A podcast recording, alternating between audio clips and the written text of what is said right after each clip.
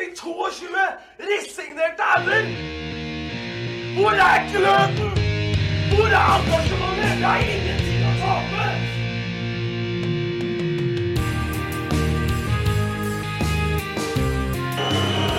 Ja, forlenges tid på Martin Ramsland. Skal du sette etter?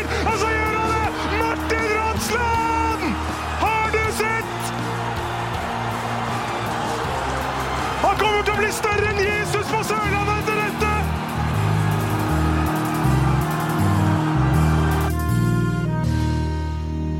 Velkommen til en eh, ny episode av eh, Start en pod igjen. Og dette har ikke noe nummer engang, Tommy Tom Iversen. Nei, vi legger opp en liten bonusepisode. Fantastisk. Ja, det, er- altså Vi så jo at Feven en, la en dobbel, og da tenkte vi ja ja, da legger vi en trippel, da. Så Ja, det måtte det. vi. For det kommer neste uke, så har vi, slipper vi den med Roy eh, Manuelsen, skulle jeg si. Ja. Med, med Rune Manuelsen. Rune Hægeland, ja. Ja. Det blir veldig bra. Eh, og vi kan holde på spenninga litt til alle skjønner hvem som kommer, men Ja. vi har lyst til å begynne med noe som er litt viktig, Tom Iversen. Vi har endelig, endelig skulle jeg si, de har egentlig alltid vært med oss. Men nå er fristeren tilbake igjen. Det er lov å la seg friste. De melder om en eh, fantastisk eh, full bookingbok, booking-bok, om det går an å si det, Ja. eh, på julemat. Ja. Så nå er det, må dere være raske på der ute hvis jeg skal ha julemat fra Fristrøm Catering før jul.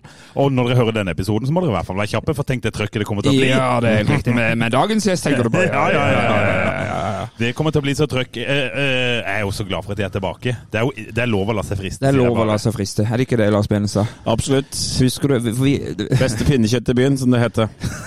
Det er det beste pinnekjøttet i byen. Du, skal vi uh, si takk til fristeren også, Og så si hei til eh, Ja, godt, hei ja, ja. til eh, Det kan vi gjøre. Eh, dagens gjest han ble født et par måneder før miraklet i Marseille i 1998. Oi. Det husker jo vi. Ja, det. Vi er jo så gamle at det husker vi. Ja, ja. Han er oppvokst på Romerike, og de første fotballskoene hans de ble nok ødelagt i sånne småklubber som Rælingen og Lillestrøm og sånn ubetydelige klubber. Mm, mm, Nordkvist. Heldigvis så tok familien til fornuft og flytta til verdens deiligste Kristiansand. Han debuterte for Start mot Bodø-Glimt i juli 2014, og ble med det tidenes yngste startspiller i Eliteserien. Tenk Oi, tenk på det. 16 år og 93 dager gammel var han.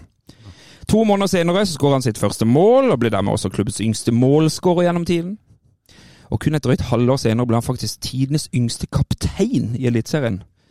Og han bærer kapteinspinnet på Åråsen for idrettsklubben Start mot moderklubben Lillestrøm. Tenk på det. Det er deilig. Ja. Hæ? Han har omtrent like mange kamper i gult og svart som Ballagarba, Bernt Hulsker, Sven Kloster og Mats Stokkelin. I sin første periode i klubben, jeg sier første periode i klubben, Ja, for den mannen er tilbake igjen, spiller han totalt 60 kamper og skårer imponerende 14 mål. Ja. Så å si alt dette før han fyller 18. Ja. Tenk på det. Spesielt husker vi kanskje hans to mål bort mot Haugesund i 2015. Å, ja. Og det var en tid hvor Start knapt vant bortekamper, altså. Ja, I hvert fall i Haugesund. Det har vi ikke gjort ennå. Av andre høydepunkter så kan vi selvfølgelig trekke fram kvalikkampene mot Jerv høsten 2015. 17 år gammel herjer han på midtbanen sammen med Mathias Rasmussen, Henrik Beimyr, Andreas Hollingen og en eller annen fotballekspert som jobber i Feven. I løpet av vinteren så signerer han for Celtic, men skal spille for Start fram til sommeren. 29. mai 2016 spiller han sin foreløpig siste kamp for Start. Ja. 0-5 hjemme mot Stabæk. Å. Og det er neppe den avslutninga han ønsker. Derfor så tror jeg vi ser dagens gjest tilbake i gult og svart om noen år. La oss håpe det. 19 år gammel debuterer han på landslaget. Nå, fem år senere, har han fått gullklokka og gjør seg klar til nok en landslagssamling. Herregud. Velkommen til Start en pod, Kristoffer Vassbakaier. Ja, hvilken intro, da.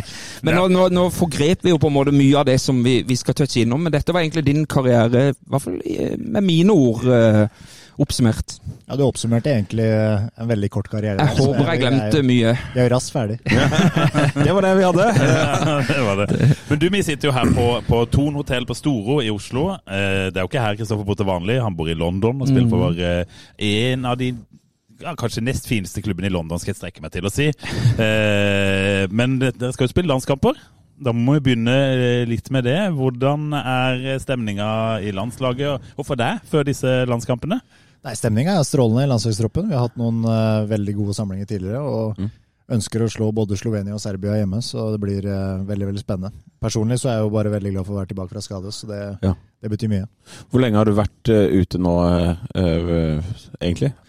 Nei, Jeg hadde jo en eh, litt irriterende hamstring eh, hele fjorårssesongen, egentlig, hvor jeg slo den litt opp eh, tre ganger. Ja. Og Slo den opp eh, siste seriekamp mot Leeds, og da bestemte vi oss egentlig bare for å fikse, så jeg opererte rett etter sesongslutt. Ja. Jeg har vært ute i tre måneder nå. Men eh, sånn, eh, nå, nå som jeg sitter her, så er jeg veldig glad for at jeg slo den opp siste kampen. Det høres kanskje litt merkelig ut, men da fikk jeg endelig fiksa det. Ja. Så nå, nå, nå skal alt være i orden. Så nå merker du ingenting?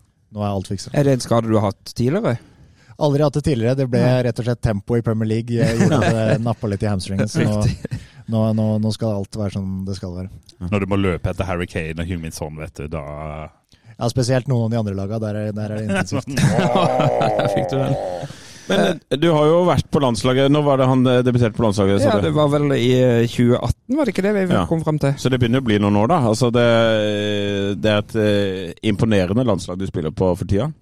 Ja, det er eh, ekstremt eh, spennende. Der vi har en veldig fin eh, miks av unge, lovende, sultne spillere, og også noen rutinerte som eh, tar litt tak i oss når vi, når vi skeier ut. Så det er veldig fint. Hvem- er det som tar mest tak da? Hvem er det som er liksom, hva skal vi si, kjeftesmella? Det er ikke kjeftesmella, men hvem er det som tar i tak og sier skjerp dere? Nei, jeg vil si Strandberg er en eh, fin, fin eh, lederskikkelse der. Han, han gir oss eh, klare beskjeder når ting ikke er som det skal være. Men det, men det er du òg, eller? Ja, jeg, jeg, jeg ser på meg selv eh, Jeg prøver i hvert fall å være det noen ganger, men jeg kan også være litt eh, Litt, eh, litt ung og dum noen ganger også, så det er fint å, fint å ha Strandberg her. Men, sånn, på det, men på banen så, så har du alltid vært den som på en måte tar ansvar og, og, og står fram, eller det, det var, Jeg minnes det i start, iallfall, som tolv og et halvt år. Så, så var du allikevel sjefen utpå der. Så er det en rolle du på en måte er komfortabel med og liker? Ja, jeg tror, jeg tror nok jeg har fått den rollen med at jeg er uh, veldig utadvendt og også en uh, veldig ambisiøs fotballspiller. Så jeg tror nok det at når man lever seg så inn i det man elsker å holde på med, så er det veldig enkelt å kommunisere også. Når bestemte du deg for at eh, fotball eh, var det du skulle? Nei, det blir jo veldig klisjéaktig å si at jeg alltid har holdt på med det, men det, det stemmer faktisk. Eh, Min far han starta med et prosjekt. Han fikk, eh, fikk sin sønn om at dette skulle bli en fotballspiller. Så Ja. jeg, jeg og han har reist rundt på diverse fotballbaner og skrudd på lys og brytt opp eh, sikkerhetsbokser for å få satt på flomlysa i ulike arenaer. Så det har vært, eh, det har vært en fantastisk opplevelse. Han følger, følger med, godt med enda, på en måte, eh, far din, da? Eller må han bryte opp, eh, bryte opp baner enda når dere er ute? Nei, han var, han var sist eh, han var, eh, Forrige kamp han så, var for fire dager siden, så han, eh, Ja, så, så han- så han, er, han er til stede ofte. Ja, så bra. Det er nydelig. Dette hørtes jo det, han, han har noen triks å lære meg når jeg, når jeg har feila litt på min første sønn og skal til med dattera mi. Ja. og Få henne interessert i fotball. Jeg tror jeg må få telefonnummeret hans etterpå. Ja, det blir jo spennende samtale. Den kan vi ta. Den Det som, er, det som er gøy, da, vi, vi sitter jo her da med en spiller som for eh, ja, to-tre dager siden har spilt eh, 90 minutter mot Arsenal. Ja. Og han er utdanna ved Kristiansand katedralskole. Det syns jeg er så deilig. Det er helt nydelig. Helt nydelig. Men eh, ja, eh, går vi til det neste mesterskapet, må vi jo si, før vi skal snakke om det viktigste i verden for oss. Det gjør vi. Ja. 2024 i Tyskland er det vel. Det kommer til å bli en høydere. Da blir det bier und uh, Bratwurst-gutter. Det blir sikkert snart en pod òg, da. Ja, det blir det garantert. Om ikke det blir spilt inn så mye, så ja. Vi er nok til stede. Men kan vi ikke bare spørre, altså, hvor godt følger du med på start nå, Kristoffer? Er det Ja?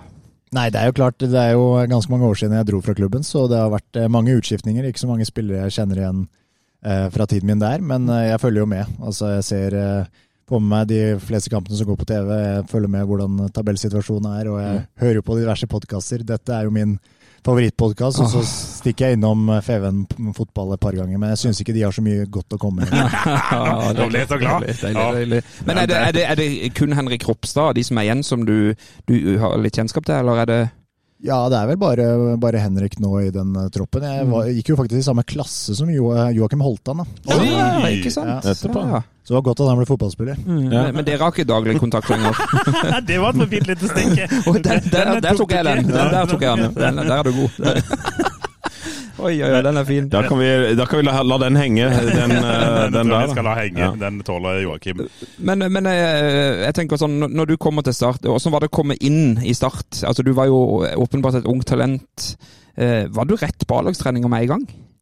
Ja, jeg var såpass heldig og kom eh, jeg, Først og fremst så var- var jeg jo eh, i Lillestrøm, vokste opp der, og det var liksom eh, klubben i mitt hjerte. Så det å skulle flytte fra Lillestrøm var veldig tungt for meg. Men mine foreldre hadde, og jeg har eh, to fantastiske søstre på Sørlandet, som hun ene hadde fått barn, og de ville bo eh, nærmere barnebarnet. Så det var eh, hovedgrunnen til at det ble flytting. Så det var vel noe snakk med Lillestrøm om jeg skulle bli værende på en hybel og bo der alene og spille med Lillestrøm, men eh, familien trumfa det og sa at da må vi dra til Sørlandet. Så jeg Altså, de, Lillestrøm prøvde å holde deg litt igjen, på en måte? Ja, de var, Ja. Ikke, de var vel ikke veldig fornøyd med måten det ble Nei. dratt uh, fra klubben uten å skrive en proffkontrakt, så det, Riktig. men det var kun familiesituasjon, Ja. så det var uh, et veldig enkelt valg for meg. Kan jeg, kan jeg skyte inn en liten ting der, da? For jeg har hørt rykter om eh, at det var en fyr som nå er trener i Start, eh, som har drevet og piska rundt noen av disse juniorlagene i, i eh, Lillestrøm. Andreas Jensen.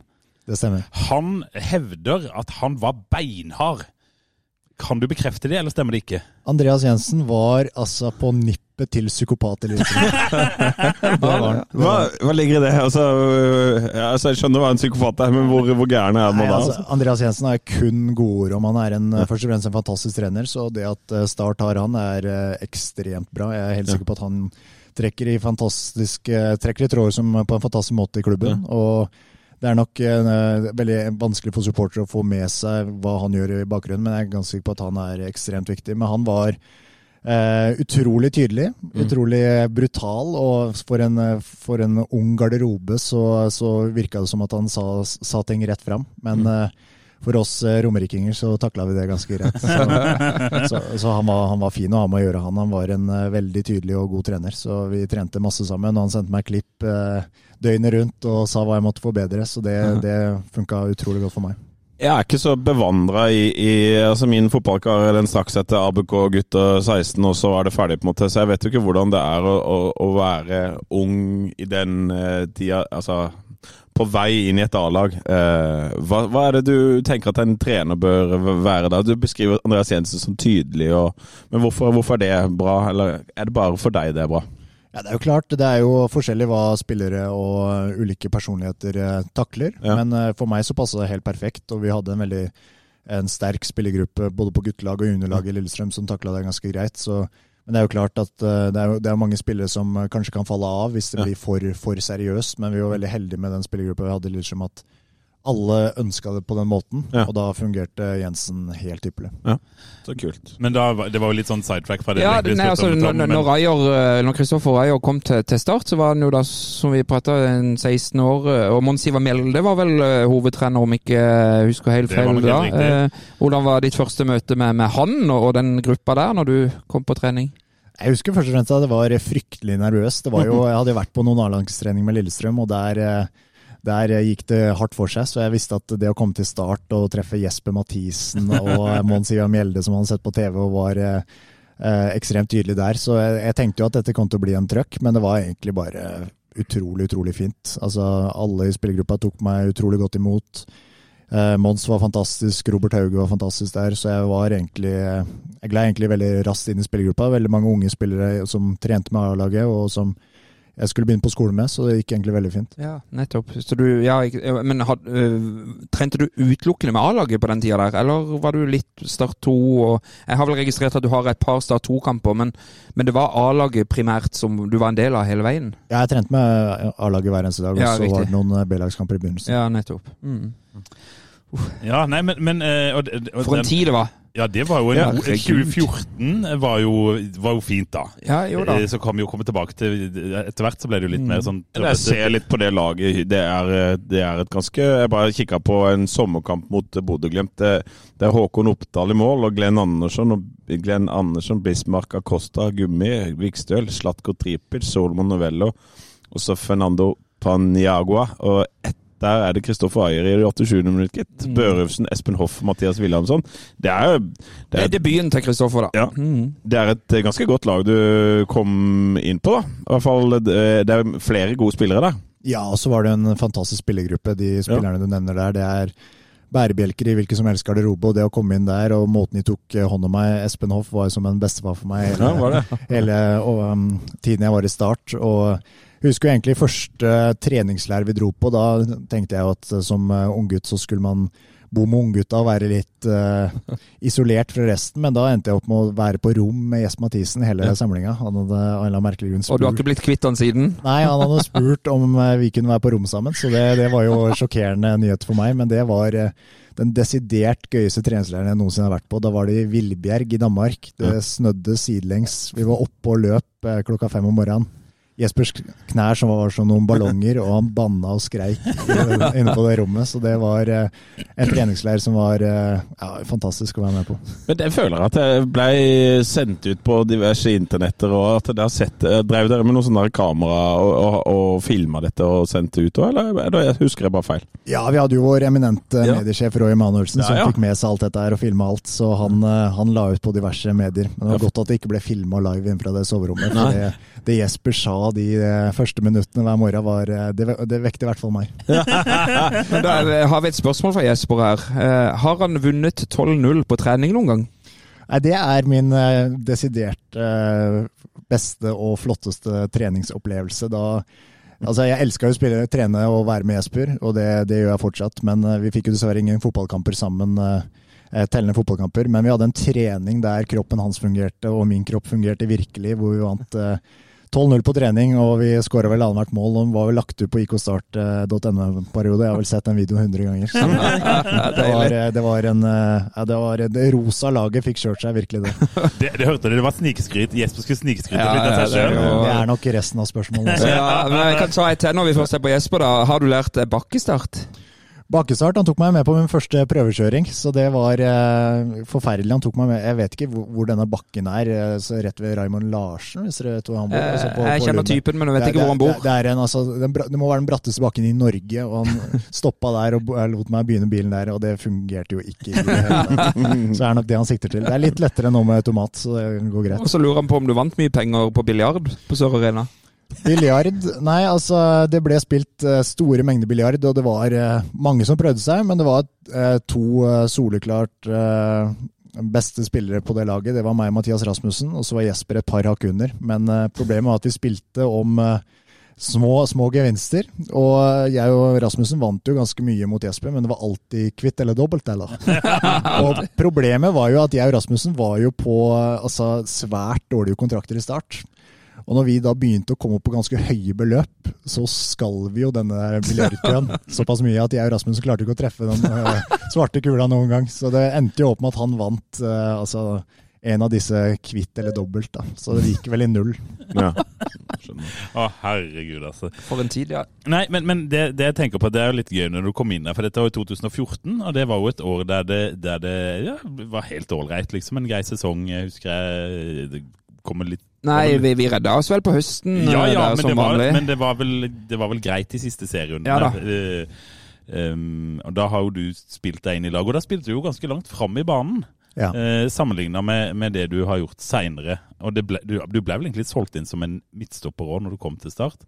Ja, det var jo sånn eh, Hva heter det for noe? Eh, Dyp midtbanerolle? Var det vel det du var, ja. skulle inn og være? Og så Ja, det var det jeg spilte på aldersbestemte landslag og i Lillestrøm. Så det var helt klart dyp midtbane eller sentral midtbane som jeg var tiltenkt eh, en rolle på. Men jeg kom jo egentlig på et perfekt tidspunkt hvor eh, Eller for supporteren så var det ikke perfekt, men Start sleit jo veldig økonomisk. Mm. Så eh, Babakar Sar ble jo solgt rett før jeg kom. Og, og midtbanerollen, eh, eller midtbaneplassen var egentlig ganske åpen. Mm. Eh, Så henta de jo Seyo Olefiniania rett før Mm.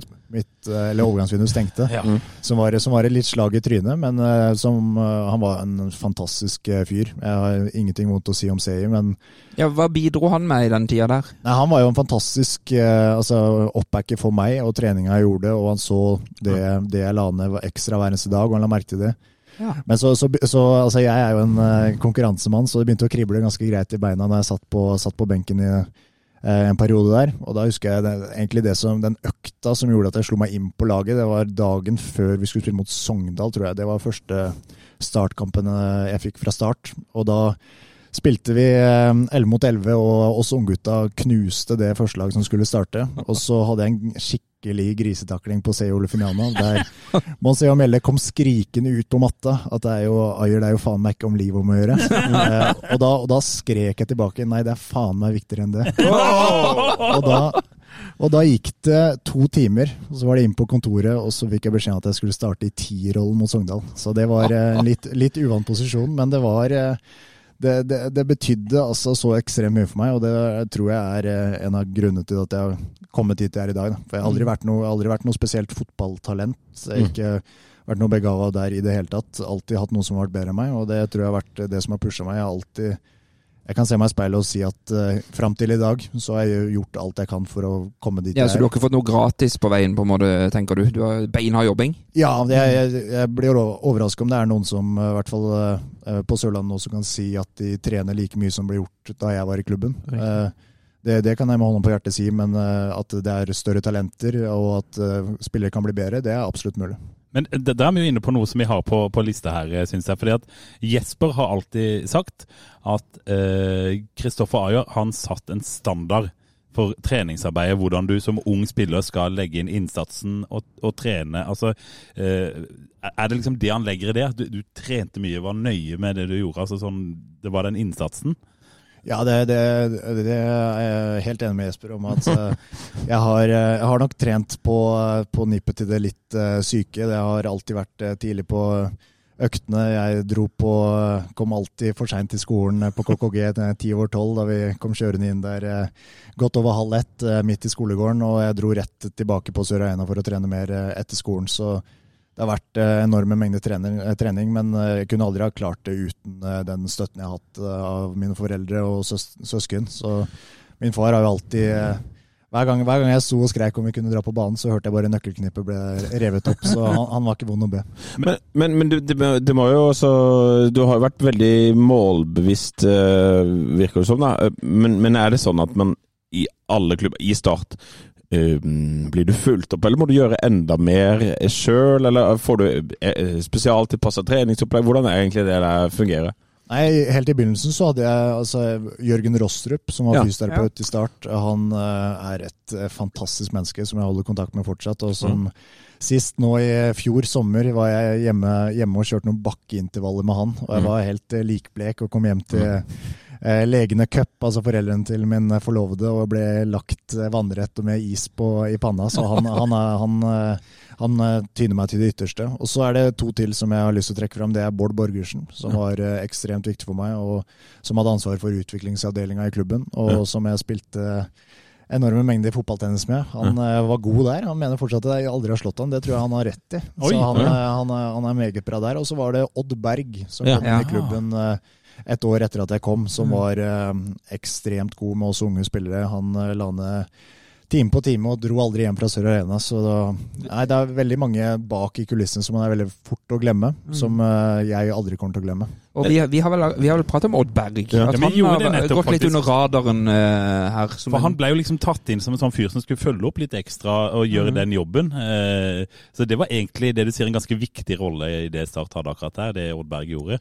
Ja, Han kom jo egentlig inn da klubben var eh, skakkskjørt økonomisk og var eh, ekstremt god. Klubben skjønte at de var nødt til å satse på oss unge spillerne, og de la ned en eh, enorm mengde hjelp og ikke minst treningsøkter for at vi skulle utvikle oss. Så det at Start var i den situasjonen, var utvilsomt veldig viktig for min karriere. Det har jo Magni Fannberg funnet ut, da, at de gangene Start satser på de unge spillerne, er når kontoen er tom. Ja. Sånn at det er en sånn syklus som går, uh, går opp og ned. da. Mm. Sånn at når det er penger på kontoen, så driter de i de unge, og når det er blakk, så skal de satse. For vi er jo tilbake igjen egentlig litt der ja. uh, nå, der, ja. når Kristoffer er kom inn i klubben. Ja, mm. så det, det, er jo forskjeller da. Med fare for å ikke vite hva som foregår på Sør Arena, så tror jeg ikke det er noen nødvendigvis som har den like sterke driven som det du, har, eh, du hadde da. På, på styrkerommet på Sør Arena. Eh, når vi er innom sånn talentarbeid og sånn, eh, hvordan var det å få en sånn å få en såpass sånn nøkkelrolle i ung alder da, som du fikk i start? Du ble jo du ble nesten førstemann på blokka etter hvert i en alder av 16-17. Ja, det gikk, jo, det gikk, jo, forferdelig fort. Jeg hadde jo mm. trodd at det skulle ta litt lengre tid, men jeg fikk debuten tidlig, som var vel egentlig første kampen jeg kunne eh, registreres til, så det var jo fantastisk eh, boost. Men eh, det at jeg skulle komme så fort inn i det og spille såpass mange kamper fra start, var veldig overraskende for min del allerede første sesongen. Så mm. det var all honnør til klubben Start som ga meg muligheten. Altså Mons kunne enkelt ha gått for andre valg, kunne ja. enkelt gått uh, mye mer trygt, men han valgte å spille meg, og det setter jeg stor pris på. Det var jo Even Bransdal var i klubben her òg. En uh, fantastisk mann som uh, pusha på for at uh, jeg også skulle få muligheten. Så uh, det er mange, mange jeg må takke. Mm. Men, du- men det, mm, du, vi har jo hatt Fredrik Strømstad og Erik Mykland i, i, i podden nå. Episode et eller annet. Episode sju. Det burde ha vært eh, episode Dette sju. episoden. Nei, men, men eh, og, og de hadde også liksom forskjellig uh, syn på hvordan det har blitt kasta ut uh, på, på banen og, og få tre minutter og 20 minutter. Um, og du fikk jo veldig viktig rolle, og, og for deg så var det kjempeviktig. Men kan det, tror du det gjelder for alle, eller er det personen Aya som gjør at det blir uh, bra for deg, da? Nei, Jeg tror nok eh, helt klart det er mange veier til rom. altså, alle må ikke spille masse når de er kjempeunge, men det er klart det å spille regelmessig og det å få utfordra seg på et riktig nivå er nok det desidert viktigste. Det er slik at man utvikler seg forskjellig. Jeg var heldig å utvikle meg voldsomt fra jeg var 13 til 16, som gjorde at jeg var klar for voksenfotball. Jeg har alltid vært eh, stor. Ja. Og det er klart at eh, hvis du er litt mindre fysisk, hvis du ikke har spilt på eh, toppnivå eller en stor klubb tidligere, så er det kanskje at det tar litt lengre tid. Så jeg tror man må ha en tålmodighet. Man har utrolig mange historier på spillere som eh, ikke slår gjennom før det er 19, 20, 21, 22.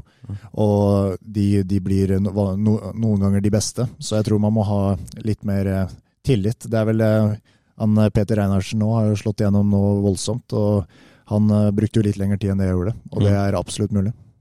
Ja, men jeg tenk, for det, jeg vet at Viggo Strømme snakker mye om at du på en måte må huske på at kroppen ikke er gammel nok. Altså Selv om du er blitt 18, så kan det hende at du fysisk ikke er eh, ferdigutvikla osv. Eh, var det litt sånn du tenkte på nå, eller?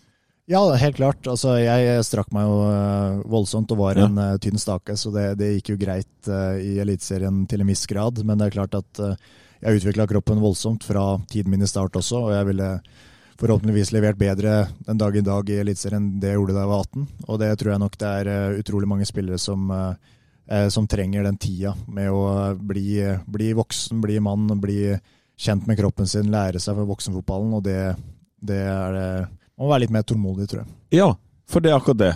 Eh, jeg opplever jo at det er veldig mange unge spillere som krever spilletid veldig tidlig, og omgivelsene gjør det. Og så er det kanskje sånn at de i trenerapparatet sportslig ser at denne her er ikke klar, Eh, og så eh, er du på en måte såpass egoistisk, eller du har på en måte en, en far eller en mor eller noe sånt som backer deg såpass mye at du tar ikke imot disse beskjedene, og så krever du spilletid og mener at du er bedre enn det du er. Eller, ja, jeg klarer ikke å balansere det spørsmålet så godt, men um, er en del unge fotballspillere litt for utålmodige til å få spilletid og uten å fortjene det, eller burde de ha fått det? Nei, jeg tror, jeg tror du er eh, inne på noe veldig viktig der. Jeg tror eh, omgivelsene rundt eh, ser først om det er en eh, sørlending, først og fremst. Ja. mm. Om det er eh, Og så se, ser de at det er en 16-åring kontra en treårsåring, og da vil de helst se 16-åringen. Det, det forstår jeg 100% men det støtteapparatet og trenerteamet som er der, er dyktige nok til å se om han er klar eller ikke. Og så selvfølgelig så er jeg helt enig i at hvis 16-åringen er et par prosent dårligere, eller på samme nivå, så skal helt klart 16-åringen spille. Da blir det bedre for klubben, bedre økonomisk, bedre for fremtiden. Men det kan ikke være sånn at bare fordi du er 16 år, eller fordi du har eh, sørlandsdialekta, så, så skal du spille fotball. Det Vi, er- vi har jo en sånn 18-åring med god dialekt fra Østfold også, som Ja, vi liker ganske godt. Men jeg vil bare spørre deg, Kristoffer. hvor- avgjørende har det vært for din karriere? Nå, er den er jo så knapt starta, da, men du er bare eh, 24 år. Men du har jo fått gullklokke og alt allerede på landslaget. Men hvor avgjørende var det at du ble satsa så hardt på så tidlig? Nei, det var veldig viktig. Jeg kom jo til eh, Lillestrøm da jeg var eh, ti år. Og der, der igjen så, så var jeg egentlig ikke god nok for det nivået jeg ble satt på. Så det, det er jo litt uh, Altså det, jeg motsier jo meg sjøl på ganske mye her nå når det kommer til at man skal vente med å gi sjansen til de er gode nok. Men eh, når du er litt yngre og på yngre lag i Lillestrøm, så spilte de meg på gutte 14 og gutte 16-laget egentlig, egentlig for tidlig. Og tok meg opp på juniorlaget. Det var egentlig den største trøkken jeg fikk fra gutt til junior. Det var det steget jeg syntes var desidert vanskeligst. Vi hadde et voldsomt godt eh, gutter 90-lag Lillestrøm, og jeg var 13 år da jeg kom opp der, og var, var egentlig ikke 13-14 14 var jeg nok, og var egentlig ikke i nærheten fysisk. Så, eh, så jeg har alltid blitt satsa på. Jeg har alltid vært heldig med situasjonen jeg har vært i, og jeg var eh, som sagt veldig heldig med å komme til start i den situasjonen klubben var i. Men, men ville, du, ville du ha runda gullklokka allerede hvis ikke Mons Ivar Mjelde heiv deg ut i felten med en gang, tror du? Nei, det tror jeg ikke. Ikke, ikke i det hele tatt. Det at eh, jeg jobbet hardt og kjempet meg inn på laget, og til slutt så skrek og skreik eh, tilbake, førte til, at, eh, førte til at jeg fikk muligheten. Og Mons var altså, som sagt eh, enestående for min del. Måten han pratet til meg på, måten han ga meg sjansen, måten han var pusha og krevde ekstrem, eh, ekstrem mengde trening, måten jeg måtte bo i gymmen for å, for å legge på meg litt muskler. og Nei, det, det var egentlig en perfekt setup for min del. Ja. Du, had- du beskriver jo at du hadde, du hadde mye krav til deg sjøl, Ja. men, men det var jo også helt åpenbart mye krav fra de som var rundt deg også. Eh, Sånn at det, er jo, det virker jo som å være et system lagt opp for deg. Ja, absolutt. Men jeg, tror- jeg tror på en måte når du, når du trener så hardt og gir absolutt alt du Ja. kan for å komme inn på et lag, så vil til slutt alle personer rundt i klubben se at dette er en som fortjener det, og en som jobber hardt, og en som vil ta og gripe muligheten. Mm. Hvis man er, det er veldig, veldig enkelt å være en eh, stor stjerne. Det har jeg sett utrolig mange historier på, som er kjempegode fra de er 10 til 16 år og bare flyter gjennom det og alltid er eh, hakket bedre enn alle andre. Og så kommer de til seniorfotballen, og så er det en forventning at de bare skal rett inn på laget der, og så slutter de å legge ned den innsatsen som kreves for å ta det neste steget. Og det er det utrolig mange historier på, så jeg tror jeg er veldig glad for at jeg ikke har vært den stjerna hele veien. Og så Som representant for eh, det norske skoleverket, så vil jeg jo bare si at jeg vet jo at du også har hatt suksess i, eh, på skolen, eh, og gjort det bra på skolen. Det å ha en, eh, eh, noe annet å gjøre ved sida, hvor viktig har det vært for deg? Og du har jo du har jo kjempegode. Jeg har jo til og med sett karakterkortet hans. Liksom, altså, jo, du har jo vanvittige resultater der òg. Så, så du har jo også en velfungerende hjerne, heldigvis. da. Ja, gratulerer med det. Nei, altså om den er så velfungerende, det, det er nok mange uenige om. Men, Ja. eh, Dine altså- nærmeste, men vi utenom, de syns jo den ser velfungerende ut. Ja, tusen takk. Nei, altså akkurat det karakterkortet har jeg kun eh, min mor og eh, skolen å takke. Min mor krevde at eh, leksene skulle være gjort før jeg skulle på trening, og jeg var så desperat etter å komme på trening at jeg løp hjem og gjorde leksene hver mandag. Så hun har alltid vært veldig tydelig på at skolen må gjøres ordentlig, studiet må gjøres ordentlig. Du vet aldri hvor lang fotballkarrieren er, og du skal ha noe du holder på med etter karrieren også. Så min mor har vært fantastisk der. Hva er det du skal gjøre etter fotballkarrieren er over, da? Ingen anelse. Ingen anelse. Det må du ikke spørre om. Men jeg har Det lyst til å ta litt, siden vi var innom Mons Vi Ja, må jo dra vi må inn litt eh, Beklager gode, gode Mons-stories her. Ja. Ja. Eh, For vi fikk jo et spørsmål, og da må vi jo liksom ta inn litt av historien bak det spørsmålet. Eh, For eh, da Start en gang vant 3-1 over Sarpsborg i en av sesongene, eh, så ble Kristoffer her bytta ut etter noen og 60 minutter eh, til litt pipekonsert på Sør Arena.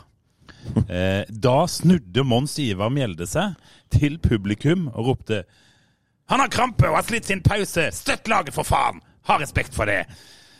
Og Da har vi fått et spørsmål eh, som lurer på Stemmer det at du hadde krampe.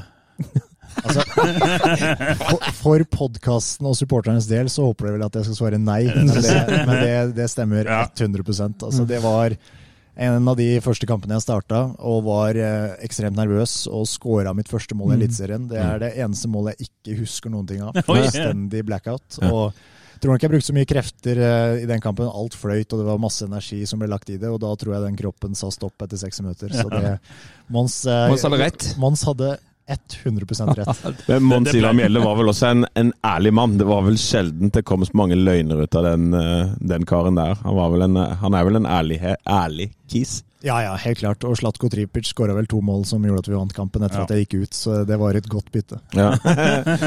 Ja, nei, Vi måtte bare ha den, og det er godt å få dratt opp eh, Mons Men litt. det var, jo, det var jo første målet til Kristoffer som jeg var inne på i, Ja, var- i, i introen. Og så når vi da bikker over til 2015, så har vi serieåpning var vel på Åråsen, eh, Kristoffer. Hvor du bærer kapteinspinn, og du er det ennå ikke bikka 17 år. Så du skal ta altså mitt beste fotballminne allerede nå? Ja, Den er sparer vi til Da slutt, kan vi da. spare Vi den. sparer Da den sparer vi den. den. Den sparer vi. Ja, ja, men ja, vi bare sparer den. Ja. Og det, eh, fordi at 2014-start gikk fint. Det er jo siste sesongen vi har eh, liksom klart oss eh, godt i Eliteserien, faktisk. Mm. Vi er åtte år etterpå. Siden har det enten gått opp eller ned, eller Det, har, ikke det, var, det var forrige gang vi holdt oss i Eliteserien, det var faktisk. faktisk, Er ikke det litt trist? Uh, Nei, det er det jo ikke, for vi holdt oss jo i 2015 òg. Beklager. Ja, ja, det, ja, det var Beklager. Det gjorde vi. Men- Med, med Ajer. Men uh, dette var jo en sesong som man eh, ganske tidlig fikk høre at det sto dårlig til, enda dårligere til med økonomien. da. Visste dere det i oppladninga, og var dere klar over det sjøl?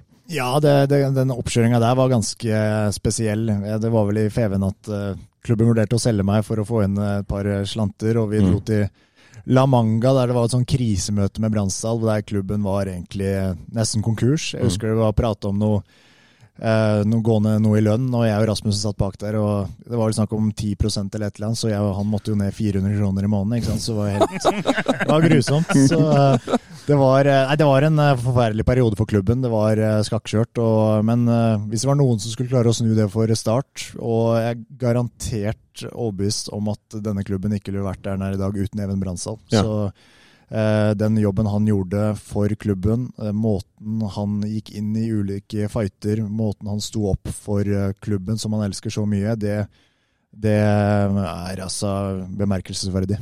Det, det høres jo ut som i her forklaringa på hvorfor Even Bransdal etter hvert sa nå orker jeg ikke mer.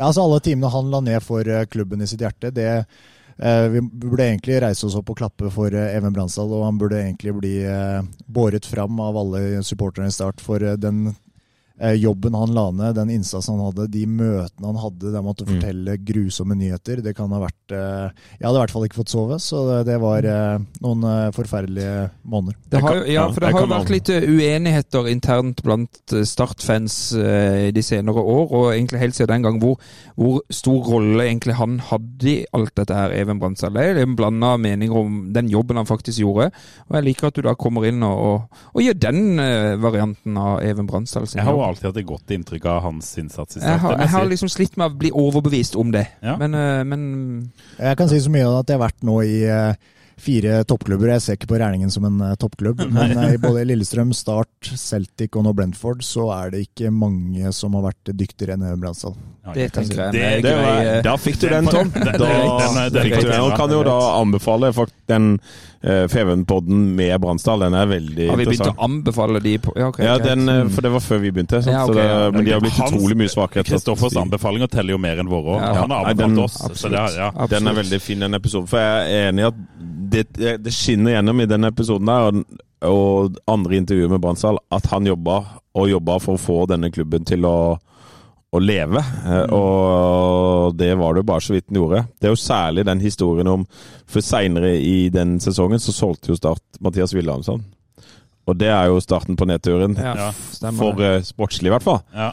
Eh, Men før vi tar den videre, fortell litt om Mathias Wilhelmsson. Han må jo også ha vært en eh, kul kis. Han har lova både startminne og komme i poden her og alt mulig lenge, men han har ikke klart å stille opp, da. Så neste gang du ser ham på Island, da. Ja, han må komme. Neste gang du ser han, må du riste han litt. Nei, Vi hadde jo noen eh, flotte islendinger i laget. altså Både Gummi og Matti var helt uh, fantastisk. så Måten de tok hånd om oss, og eh, han var ekstremt god i kortbanespill, som irriterte oss som Mm. gutta, for eh, de slo oss gang på gang på gang pga. Mathias Wilhelmsson. og Han var en eh, lederskikkelse, var ekstremt god det halvåret før han eh, ble solgt, som var eh, ja, forferdelig for oss sportslig. Mm. Eh, Jeg spilte jo mellomrommet og klarte jo egentlig å levere ganske Mm. gode første seks måneder. Alt gikk inn, men det var jo pga. Mathias Wilhelmsson. Ja. For de så jo på den startoppstillinga.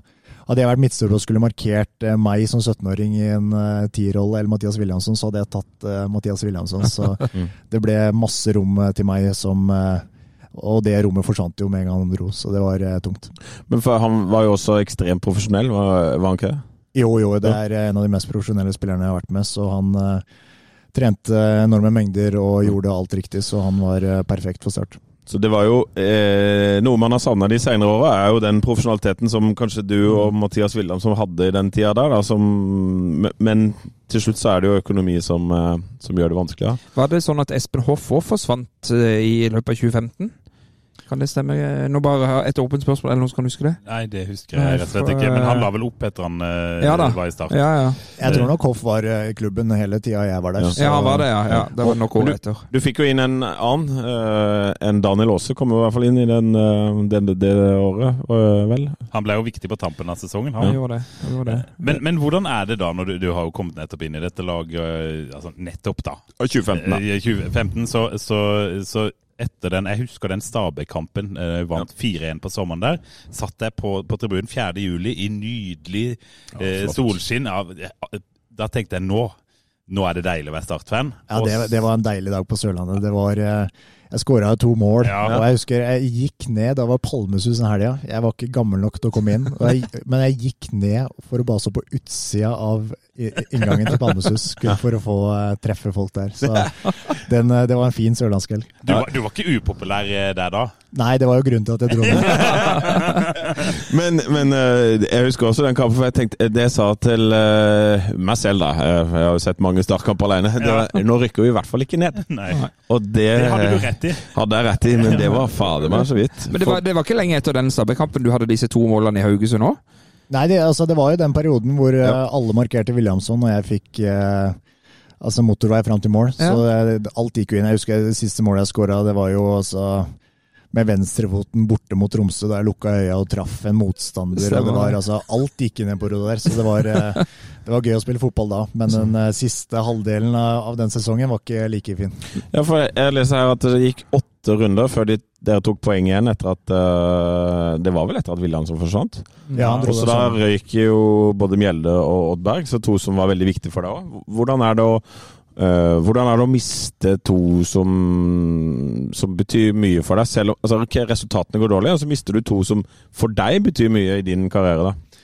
Ja, det, det var veldig vanskelig for meg, for uh, jeg følte jo at uh, rett og slett troppen var ikke god nok. Vi var Mm. ikke gode nok. Det var ingenting med Mons og Odd som ble gjort feil, eller noen ting. Så jeg, jeg følte ikke at det var slik at ok, hvis vi sparker nå Mons, så kommer noe til å forandre seg. For vi var må, noen ganger så er det viktig at spillere ser seg litt i speilet òg, og ikke bare skylder på treneren og liksom tenker at ting skal snu så fort en trener forsvinner.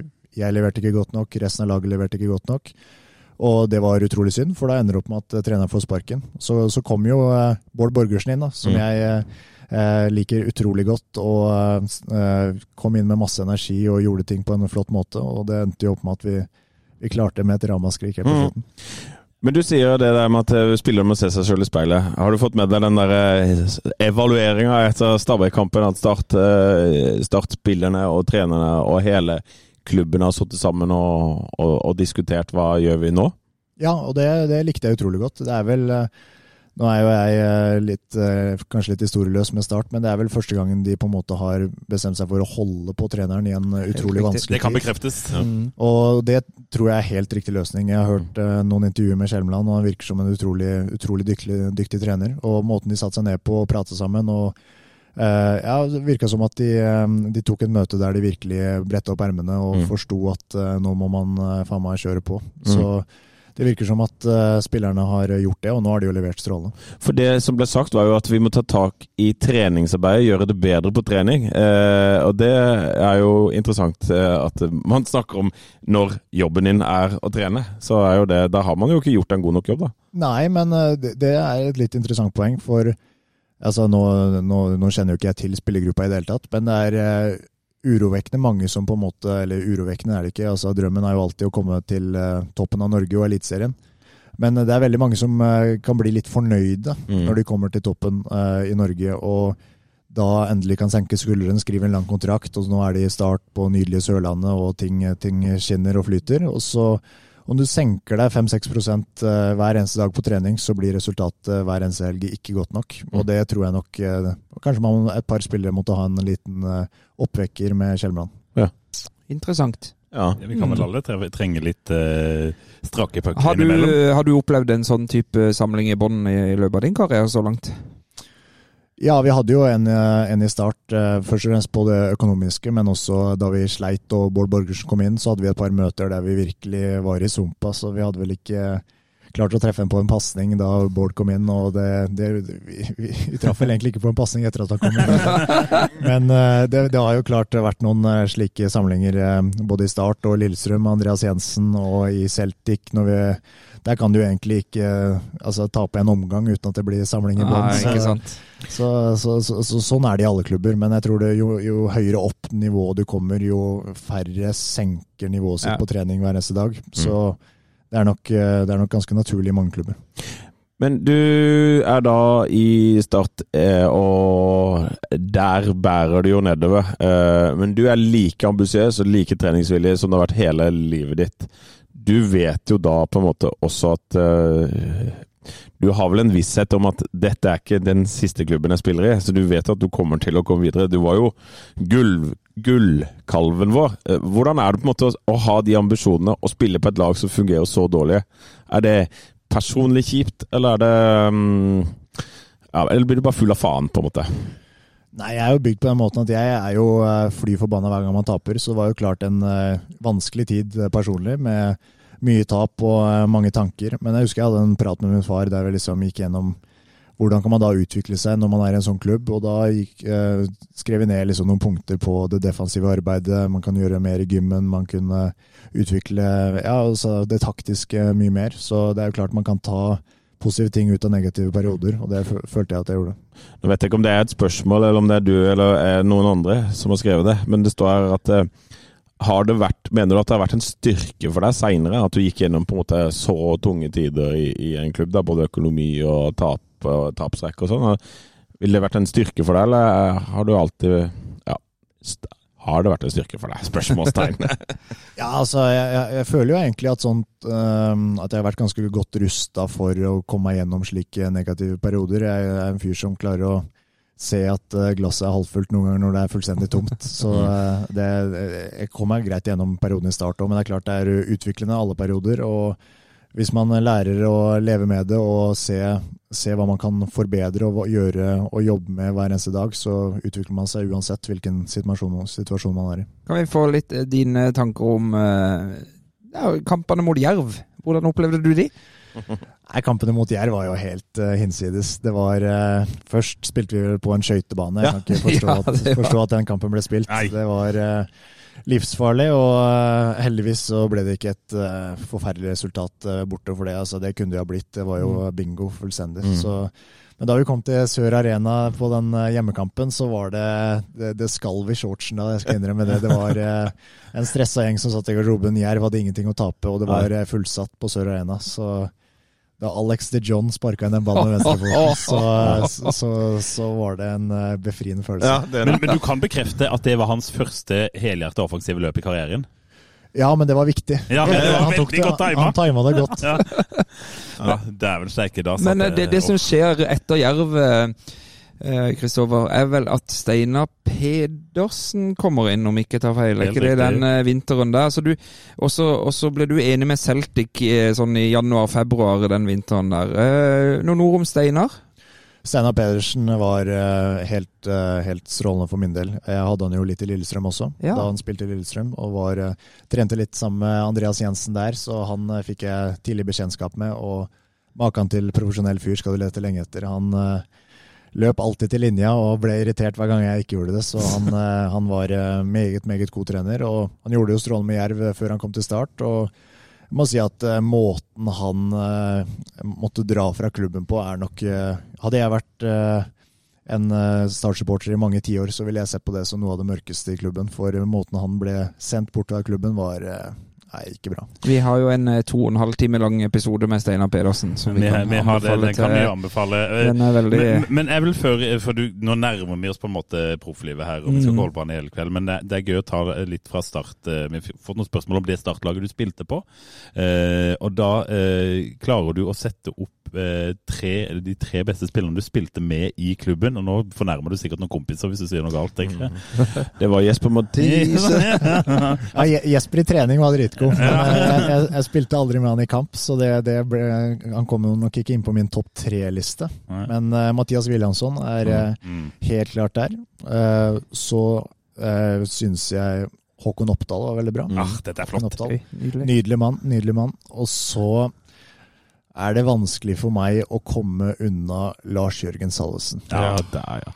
Det, men det, det som er, det er fint vondt å høre, vet du. ja. Men det som er fint, er at alle han nevner, bare Jeg har vært med i Start en pod, da. Ja. Ja, ja, det, eh, Salvesen er episode salve. Ja, Episode salve. for en avslutter den mannen der, altså, når han er i dytten. Er dette tre spillere du har eh, mye kontakt med ennå, eller?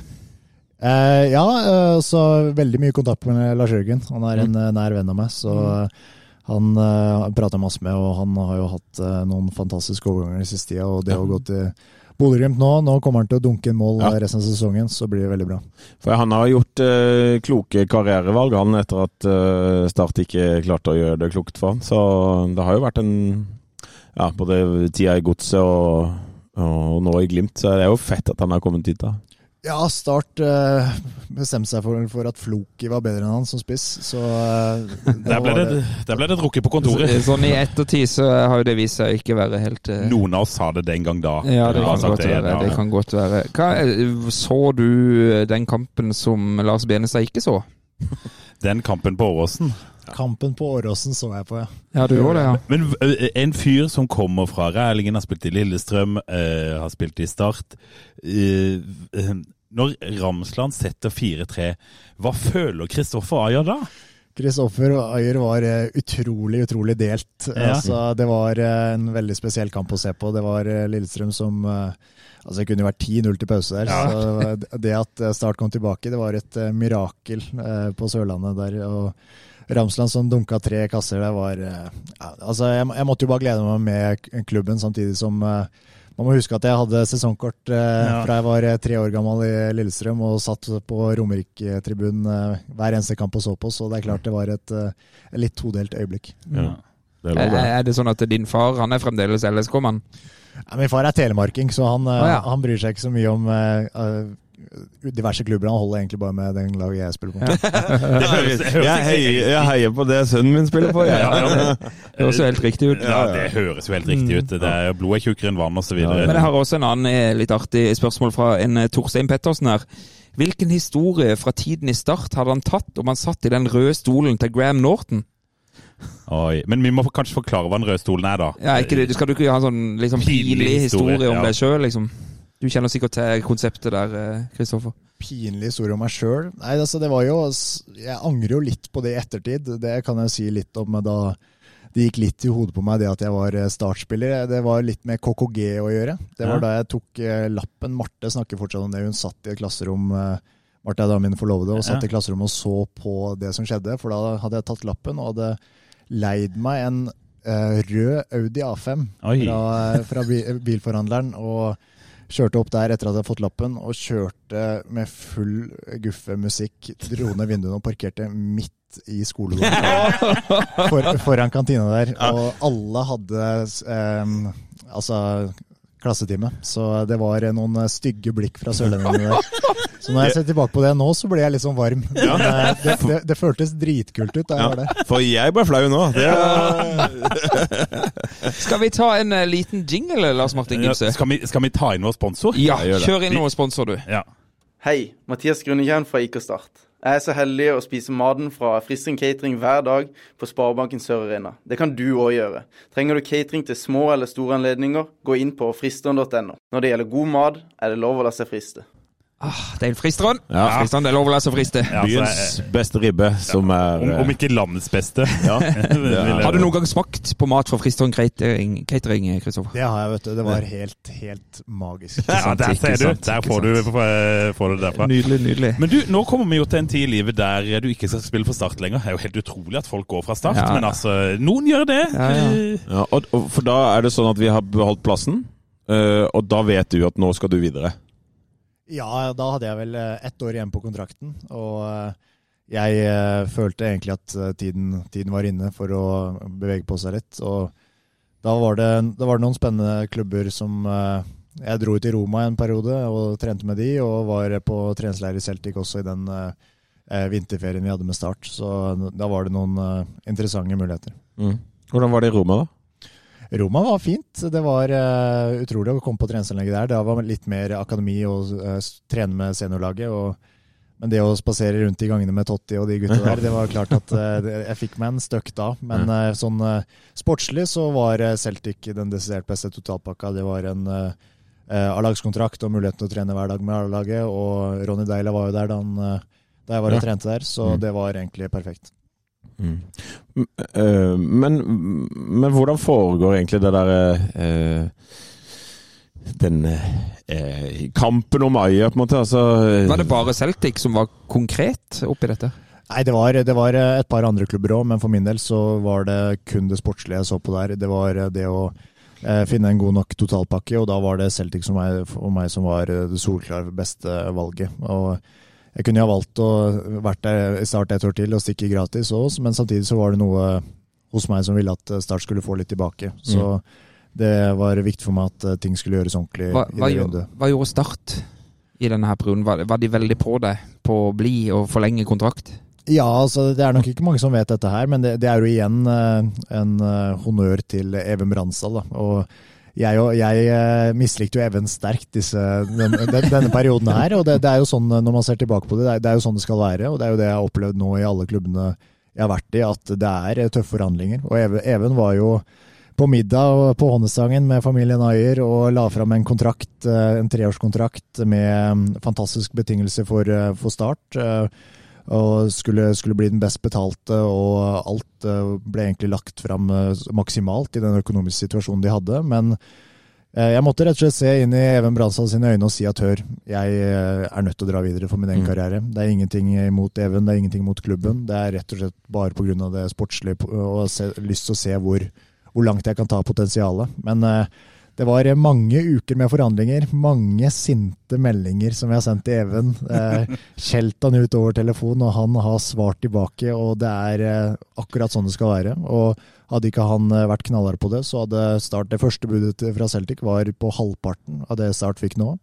Eh, og det var forhandling fram og tilbake. Prosenter ble tatt eh, tilbake når ting ble akseptert. og det, det, det er sånn det er i forhandlinger. Og Even var eh, eh, 100 IK Start og la, klarte å legge bort det fantastiske båndet vi hadde fått. Vi spilte kort på hver eneste bortetur. Vi var ekstremt eh, eh, gode med hverandre, og nå er vi nære venner. Så det, det profesjonelle eh, forholdet han hadde til det, var eh, meget imponerende når jeg ser tilbake på det. Det var jævlig irriterende da det skjedde. Kan jeg, kan jeg allikevel jeg tør å spørre deg, kan jeg spørre hvor mye du ble tilbudt av Start? I hva da? I kroner og øre? I den treårskontrakten. Kroner og øre. Nei, altså, jeg går ikke inn på mm, Nei. eh, Men det var vel altså, Jeg vil tro det var 1000 opp fra det jeg hadde. Ja, Det er klart, Ok. det- Og det var 400 kroner, var det du sa du mistet? Ja, riktig, riktig. Men, øh, men du beskriver at du gjorde mye av denne forhandlinga sjøl. Altså, hvor er den agenten? Hvor er Stig Lillejord? Hvor er Stig Bitt Lillejord? Nei, altså Jeg hadde jo Tore Pedersen som var agent, men det er klart når, eh, når eh, det stopper opp og klubbene sier nei, så, så hjelper det som regel at spillerne klikker litt òg. Så Ja. eh, ja, så det var, det var noen tøffe uker, og jeg hadde jo aldri opplevd det. Jeg hadde gått gratis til start og jeg visste ikke hvordan eh, det egentlig var. Det var, det var langt vanskeligere i Celtic, så det, det, det som eh, skjedde og greiene som eh, var med start, var eh, noe man må gjennom. Og Eh, sett i ettertid så er jeg utrolig glad for at Even, Even lærte meg hvordan eh, business skal gjøres. Men, men da er jo jeg litt interessert, for nå, dette er første, første liksom, eh, spilleren vi har hatt inne etter hele den der Reinersen-greia som jeg sa om vi ikke skulle snakke så mye mer om. Men det hadde vært interessant å høre hvordan Kristoffer opplever den eh, sett fra en spillers ståsted fra utsida. For, for du har jo fått med deg det som har skjedd der.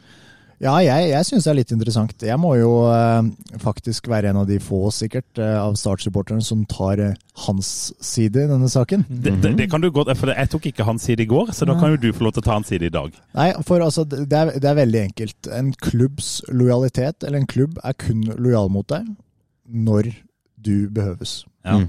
Når du er god nok. Så nå er klubben helt avhengig av Peter, Reine, Peter Reinersen. Han leverer strålende, han er den beste på start. Og Jeg hørte en podkast med dere hvor dere sa at ja, han kan bli tilbudt ny kontrakt, og han kan, kan få litt bedre lønn. Jeg mener altså han skal være en av de best betalte i klubben. Mm. Han er en, en av de beste spillerne nå. Han eh, leverer best på denne Jeg vet at Feven har ikke så mye peiling, men han er vel best på børsen der. og han, han, han må bli tilbudt en fantastisk kontrakt, en langtidskontrakt. En kontrakt som viser at klubben virkelig er desperate og bygger laget rundt han. Selv om han var tredjevalg for to-tre måneder siden. Ja, men Det at han var tredjevalg for tre måneder siden, det, det er jo historie nå. Nå har han vist at han er den beste wingbacken for Start. Kjelmeland bruker den hver eneste kamp. Han leverer strålende. Skårer, skårer mål i hver eneste kamp. Altså, det er jo ikke rart hvis Start har tilbudt han en Altså, sånn, sånn er det i diverse klubber. En sørlandskontrakt. Det at Ja. han eh, er sørlending, er positivt for at supporterne pusher for at han skal spille, men det er også negativt i kontraktsforhandlinger. Mm. Hvis han har blitt tilbudt en sørlandskontrakt som er litt bedre enn den er nå, så kan han jo umulig signere. Mm. Tror du Nå- vi har sett det siste av han?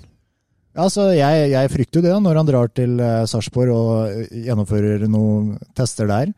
Så, så Han har jo vel bare seks måneder igjen av kontrakten, så han har jo lov til å gjøre det også. Så det, det ser jeg ingen problem med. Men uh, det, det er jo synd om Start mister en så god spiller. For uh, han uh, De burde jo egentlig legge nesten hva han vil på hva han ønsker på bordet, og for å beholde han. Men eh, det virker som at de er eh, vanskelig med både han og Kjølse. Mm. Eh, jeg opplever at Start uh, sier uh, Snakker om agenten i, i ikke så veldig Positiv positivt.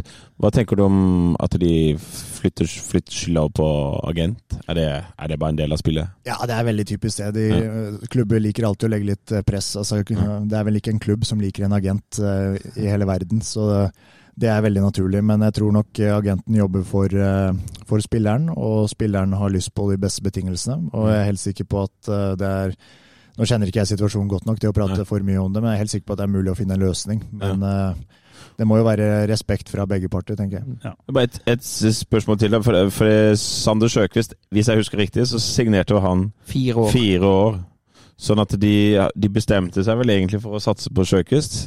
Eh, og så er han skada, og nå har jo han da uh, tre, altså fire og, tre og et halvt år igjen av kontrakten sin. Um, tenker du likevel at Start i den økonomiske situasjonen de er, bør ha Reinhardsen på en uh, stor kontrakt likevel? Ja, altså Det kommer jo helt an på hva man eh, betegner som stor kontrakt. Ja. Jeg mener jo at han burde få en kontrakt som viser at han verdsettes i startsammenheng. Ja. At han skal være en av de best betalte i start. Jeg sier Mm. ikke at, han skal, at man skal sprenge banken, at han skal få en tidenes beste kontrakt i start. Jeg okay. sier at han skal respekteres som, som eh, Henrik Ropstad, som Wormgård, som de andre Mm. spillere som starter hver eneste kamp. Han er nødt til å bli eh, vist at han blir satt pris på, og det arbeidet han har lagt ned. Det, det, altså det å si at han var eh, dårlig for tre-fire måneder siden, eller si at han var et tredjevalg, eller si at han skal være glad for at Start har gitt ham muligheten. Ja, selvfølgelig skal han være glad for det, men han har også grepet den med begge hendene. Ja. Og Da nytter det ikke å si at vi gir deg en kontrakt som var din verdsettelse for tre måneder siden. Det går ikke. Mm. Den kontrakten skulle vært gitt for tre måneder siden. Mm. Da hadde Start vært i en fantastisk situasjon nå, men nå er jo Start i en forferdelig situasjon. Og det er han nødt til å utnytte. Ja, Uansett hvor Det er lite hyggelig Ja. supportere syns Og så kan du si my mye av den uh, Jeg vil ikke si hat er et sterkt ord, men den, all den misnøyen som har kommet i retning han, er jo litt det tillitsbruddet han gjorde i forrige uke. Jeg vet ikke hvor godt kjent du er med det, men at han på en måte stakk på en hvile da for å trene litt fysisk med en annen klubb og kom tilbake litt eh, Så mye av dette handler jo om det også, men eh, jeg, det var jo litt dette min gode venn Johan Jønnes Nilsen var inne på. Dette kan Peter Einarsen smir nå mens jernet er varmt, Ja, det og har full rett til å gjøre det. Ja, så, så, så må jeg innrømme at jeg sussa litt på timingen på det. det, det så, så ærlig skal jeg være. Det er en landslagspause nå hvor han lett kunne vært i Sarpsborg. Jeg Mm. Kunne tatt seg en langhelg i Sarpsborg nå uten problemer. Så det var, det var kanskje litt merkelig, men eh, at han eh, drar innom en klubb som er veldig interessert i han, som, og prater betingelser At de Jeg er litt usikker på hvor mye fysiske tester han har gjort eh, dag to etter en kamp, men om en, om en fysioterapeut har sett litt på han og har gjort et par spenstopp, så tror jeg ikke det førte til at han var skada da han kom tilbake. Han er ganske stiv i beina etter eh, tur-retur uh, Østfold-Kristiansand Kjell. Jeg var, jeg, jeg, jeg var ganske stiv og støl i beina etter tur-retur Raufoss, jeg skal si det. Hvis det er lov å si. Jeg tror, jeg tror vi Ikke fortell mer. eh.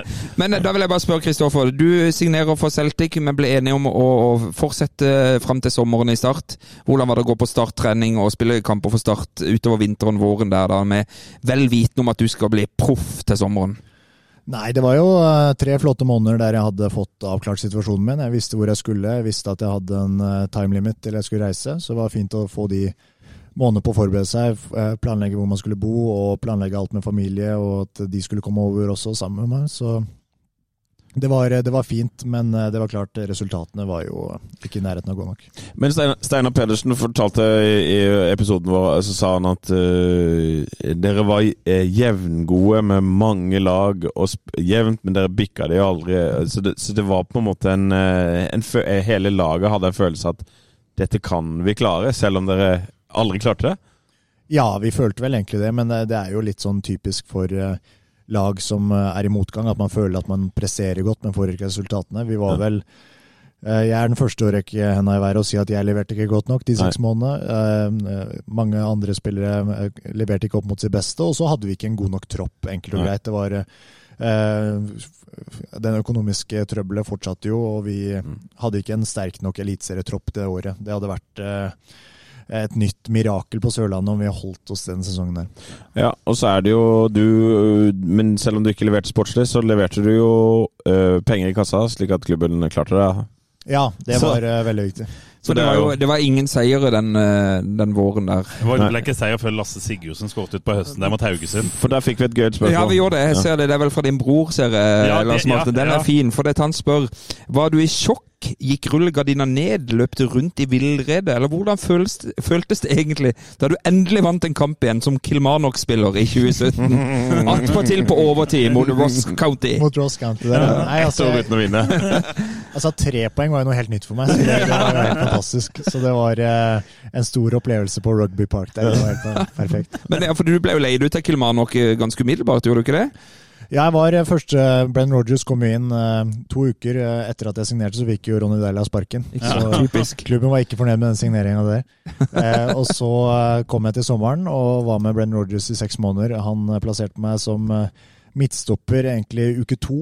Vi hadde et par sprinttester, og han eh, visste at jeg kunne, altså var ok med ballen. Og etter at jeg hadde levert meget godt på de sprinttestene, så var han tydelig på at det var midtstopper jeg skulle bli. Og jeg var jo ikke i nærheten av å være fysisk klar for å være midtstopper i skotsk liga, så jeg var seks måneder og trente knallhardt. og eh, Bodde i gymmen og fikk sånne shaker som inneholdt så mye kalorier som jeg måtte drikke hver eneste kveld. Altså, jeg var helt grønn i øya til slutt. Så, så dro jeg på til Kilmarnock seks måneder. Var der, lærte å spille midtstopper og spilte i en tøff skotsk liga og fikk eh, utfordra meg der. Og da jeg kom tilbake til Celtic etter de seks månedene, så var jeg, så var jeg klar. Eh, Hvordan kan du sammenligne Kilmarnock eh, nivåmessig med, med norsk eliteserie på den tida?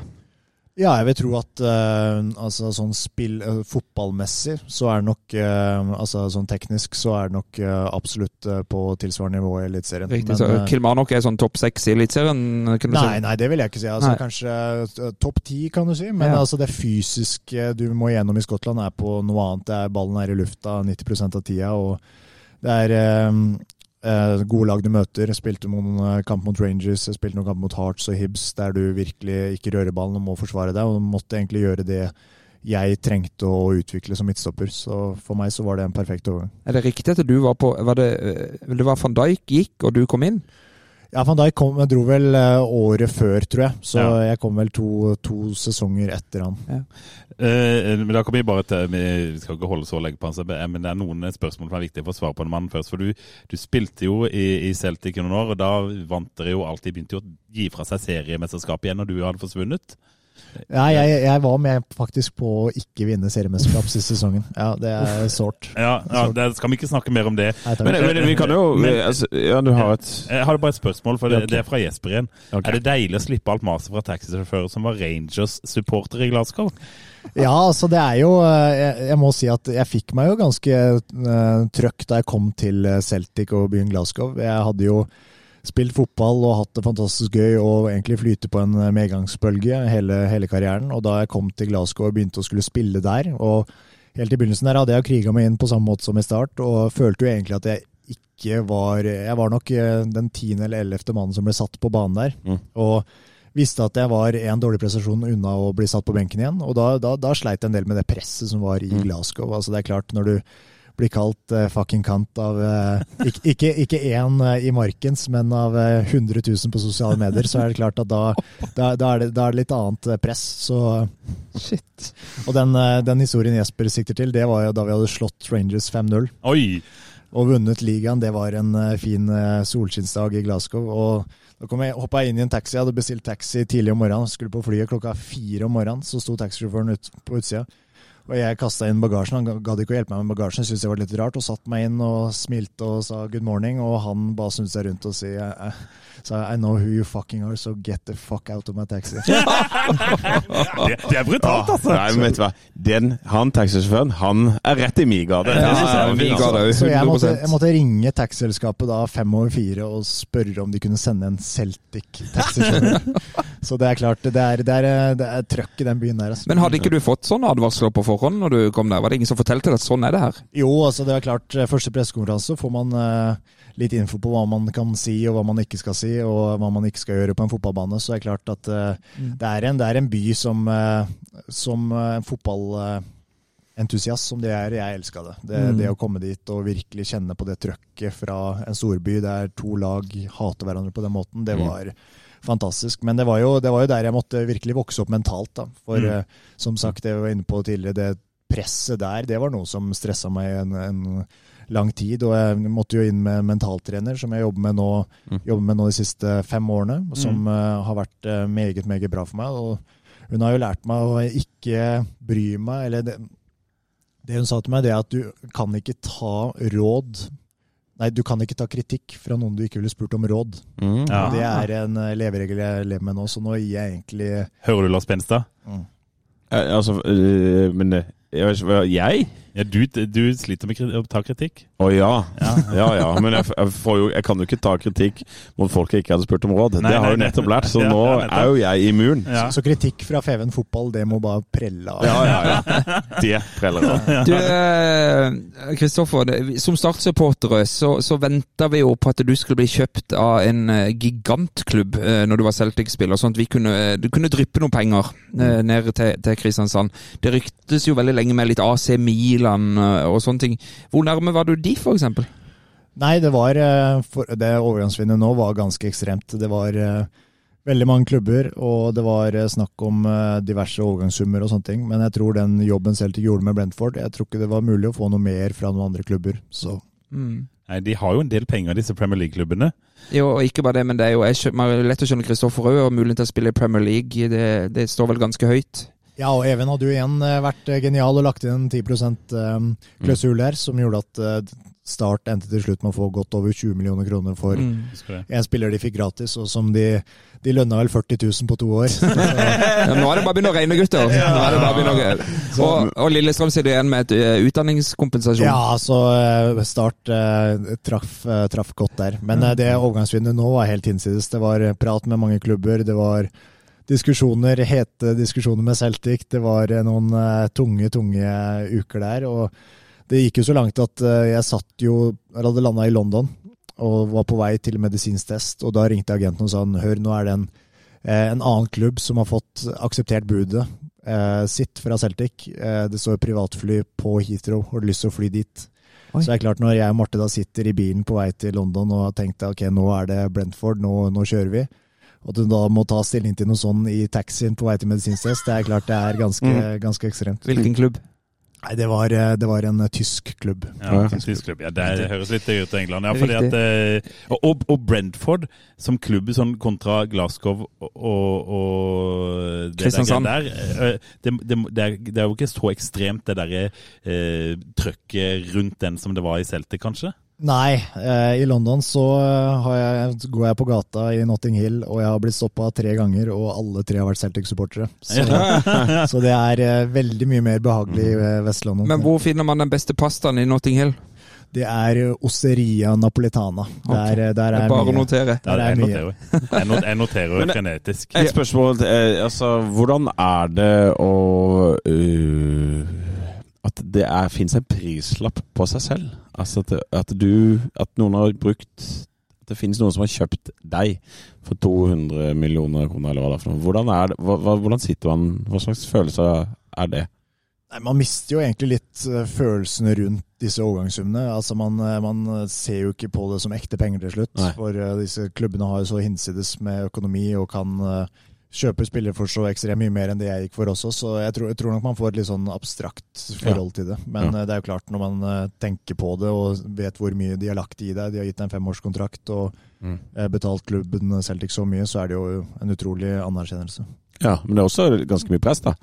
Ja, så heldigvis eh, så, så brøyt de den der eh, største overgangssummen to ganger nå i vinduet, så er heldigvis ikke noe igjen.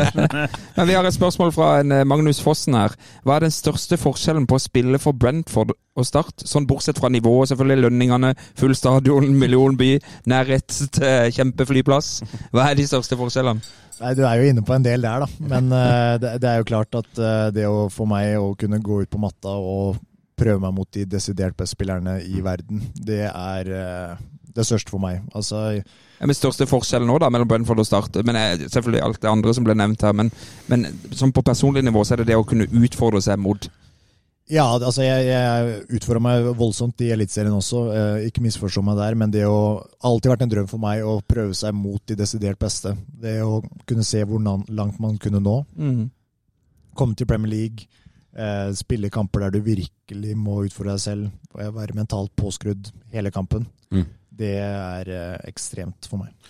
Kan jeg bare få lov til å spørre deg, siden vi, har jo garantert ganske mange lyttere som, eh, som eh, er opptatt av Premier League òg, det må vi jo innrømme. Mm.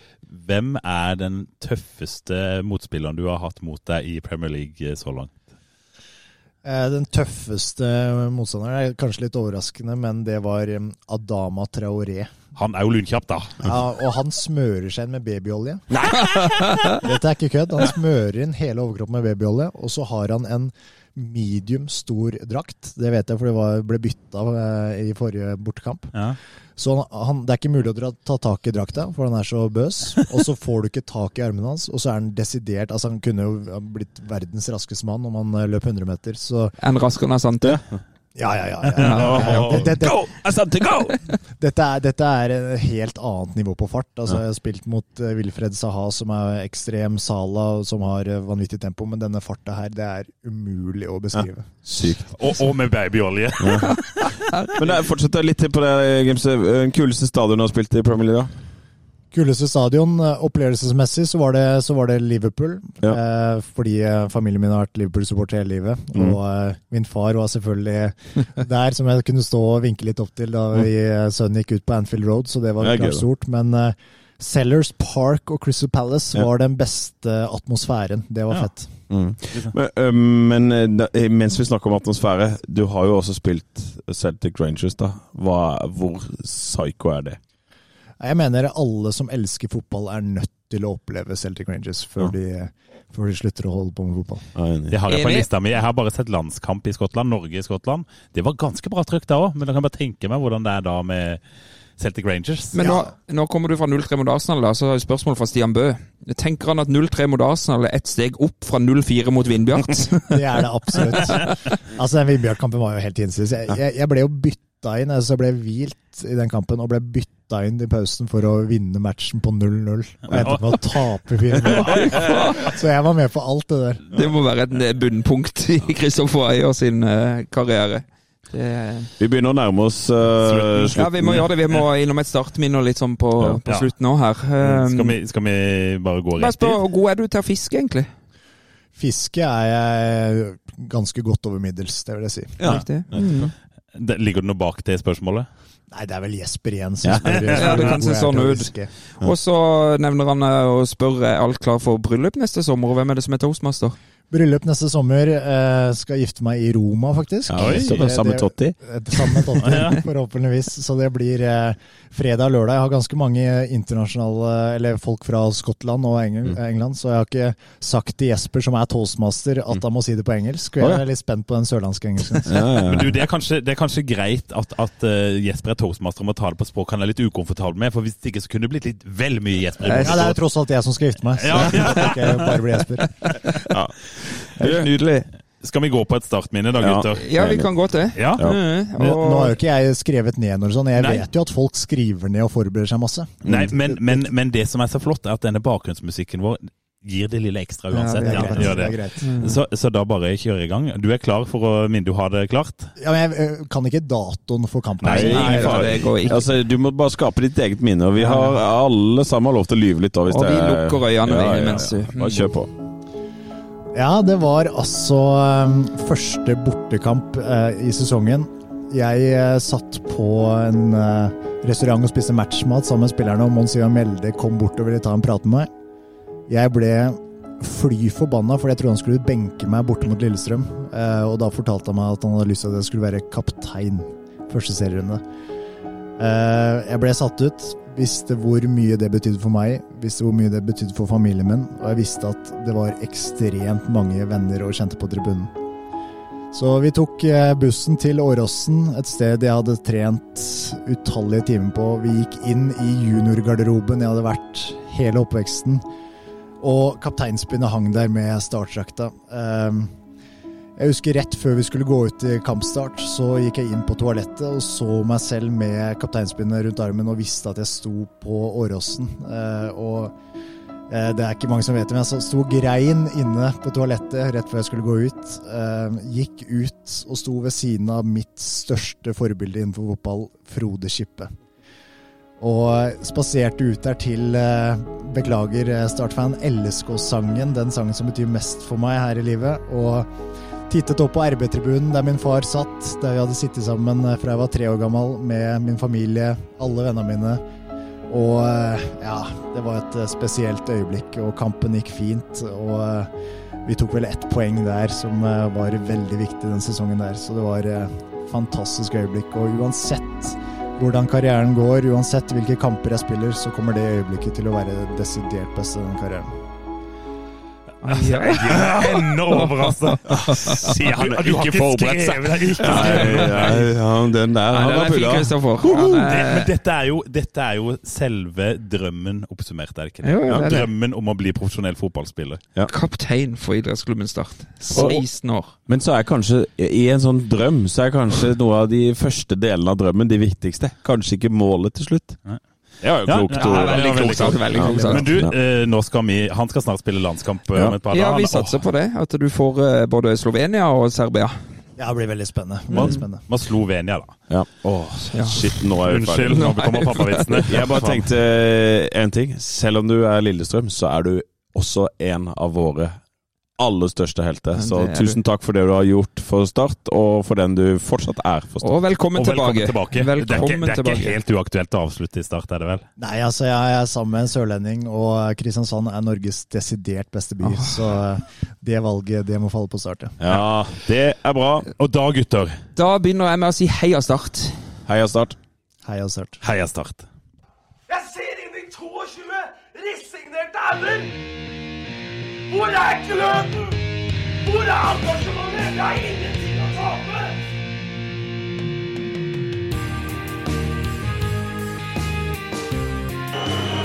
Ja, forlenges tid på Martin Ramsland. Skal du sette etter? Og så gjør han det! Martin Ramsland! Har du sett? Han kommer til å bli større enn Jesus!